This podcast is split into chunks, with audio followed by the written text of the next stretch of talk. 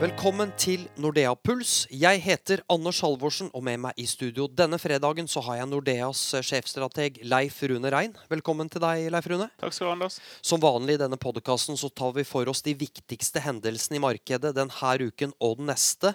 Og Leif Rune, børsfesten den ser ut til å fortsette, og Kina er også tilbake.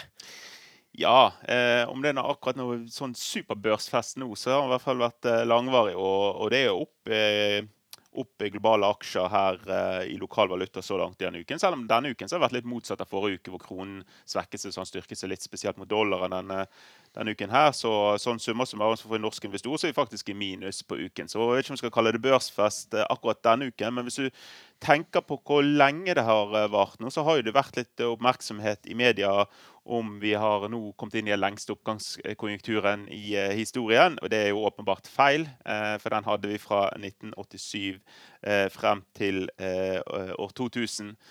Og så er det store diskusjonstemaet blant nerdene i finansnæringen som er sjøl, det er om, om vi hadde et fall som var stort nok i, i 1990 som, som, gjorde det at den Oppgangsperioden er delt i to, eh, men det er det åpenbart ikke, for det fallet var jo bare på 19,92 og bryter jo ikke denne 20, 20 %-grensen.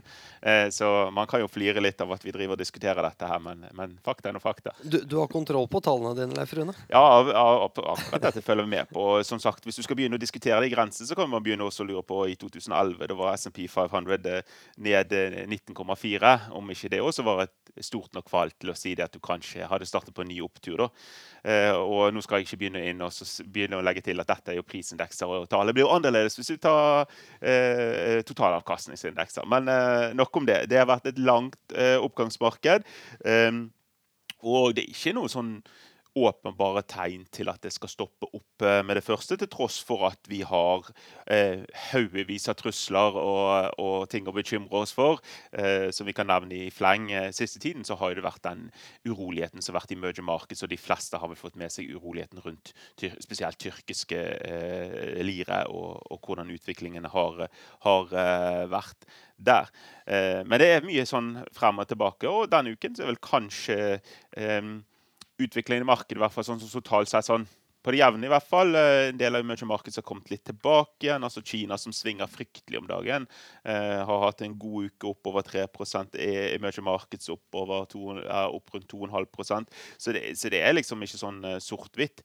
Men eh, forrige uke så snakket jo eh, meg, eh, eller snakket vi tidligere eller i denne podkasten om, om, at et håp var tent i forhold til at det kunne bli fred i handelskrigen, det har vel kanskje snudd litt denne uken. her. Eh, grunnen til at vi hadde et håp som var tent, er jo at eh, det ble, det ble kjent at det jobbes med et møte mellom president Xi og eh, president Trump i november. Og at kanskje da at når de først møtes, så må det være en grunn til at de møtes. De kan ikke bare møtes bare for å slå av en prat. Det må være for at de skal komme med noe fremskritt i den, den konflikten. Så får vi se, da. For det går jo litt frem og tilbake. Det er ikke så mange uker siden Donald Trump og Juncker fra EU røykte fredspipe, og man var enige om at man ikke skulle innføre toll på, på, biler, og Europa skulle gi noe tilbake med økt import, bl.a. fra fra sauebønder og sånne ting.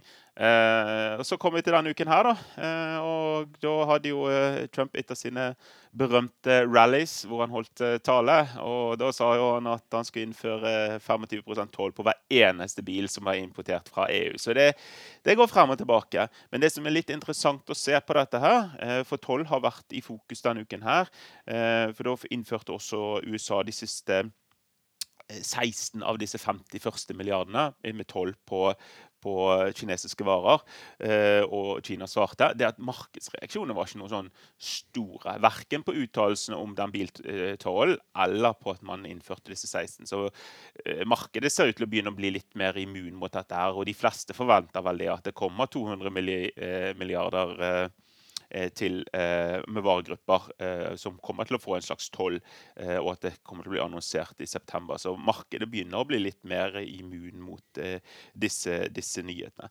Men det er klart, det er, ikke helt, er ikke helt sånn at man er fritt for det. Man ser jo svingninger. og Vi så jo bl.a. på det når vi hadde et IT-selskap i Kina, Alibaba, som repeterte denne uken. Og det repeterte bedre enn ventet, til forskjell fra Tencent, som vi snakket om i forrige uke.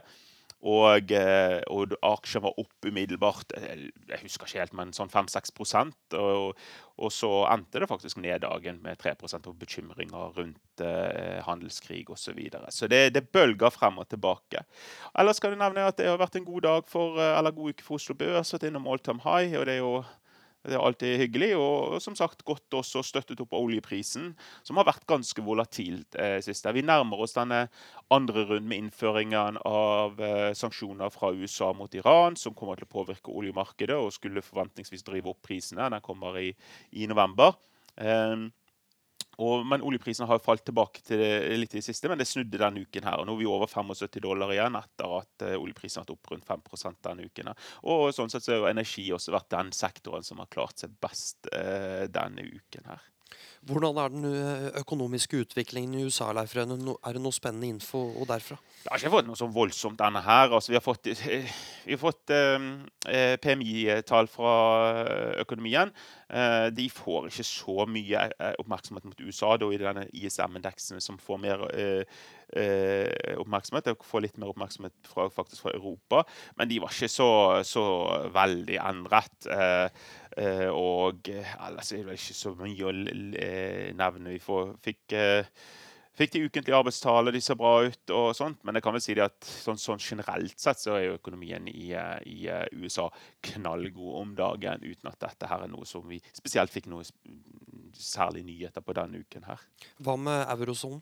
Jeg fikk kanskje litt mer, for der får jo, får jo disse PMI-ene litt mer oppmerksomhet. Men igjen, der også det var ikke store endringer. De holder seg på gode nivåer. De har kommet ned i siste måned fra de, disse urealistisk høye nivåene til å være mer noe som kanskje kan være, reflektere en mer fornuftig uh, vekstutvikling. Kanskje litt bekymringsfullt var kanskje at konsumentindeksen fant, falt uh, en del her. Uh, men det er ikke så rart at det svinger i dette. fordi at når man er inne i en avkjøling i forhold til veldig veldig sterk vekst, så, så, vil man forvente at det sprer seg rundt også til konsum konsumentene.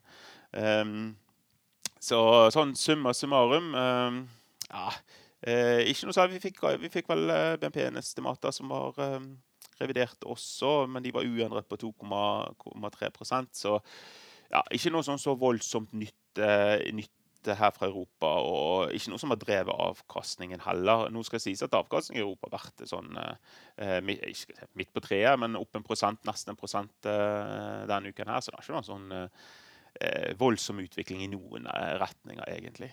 Da, da, setter vi en strek over inneværende uke og ser inn i den neste. Og, og kommende uke vet jeg at det blir storpolitikk og handelsavtaler i, i fokus, Leif Rune. Altså, det blir jo ingenting annet enn storpolitikk og handelsavtaler. altså, og toll og mottiltak. Det er jo sånn det er om dagen. Nå er jo vi inne i den mellomperioden når uh, rapporteringssesongen er over for denne gang. Uh, stort sett, i hvert fall. Og, og da blir det litt sånn, sånn, vakuum. Og da får nok dette mye plass. Det har jo skjedd en del uh, i USA på den politiske fronten med at disse Cohen om og, altså advokaten til Trump og sånt har uh, gjort en avtale med myndighetene, og at man har hatt andre dommer der, og det ser ut til å komme opp med mer, som selvfølgelig preger. Og uh, det gjør jo det at uh, faren i hvert fall for at Donald Trump kommer med ville uttalelser som, uh, som, går i retning av handelspolitikk osv. for å trekke oppmerksomheten, om ikke annet, uh, kan skje. Så det kan, kan være her òg. Det går kanskje noen rykter om at man nærmer seg en NAFTA-avtale som kan bli Eh, eh, som kan komme til å bli presentert i nærmest fremtid. Det vet vi ikke om det er noe annet enn bare rykter. Men det er klart det hadde vært litt deilig fra, for en gangs skyld å få noe håndfast eh, eh, av positive nyheter for dette, den handelskonflikten. De fleste ting som har vært håndfast til nå, har jo vært på den negative siden. Sånn som med de tolv som ble innført eh, denne uken her.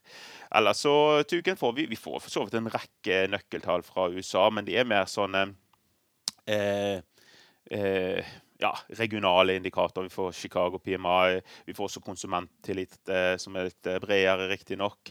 Eh, vi får eh, kanskje det. Vi får eh, andregangsrevidering av BNP-tallet fra USA, men de forventer seg ikke stort endring. De forventes å ligge over disse 4 fremdeles.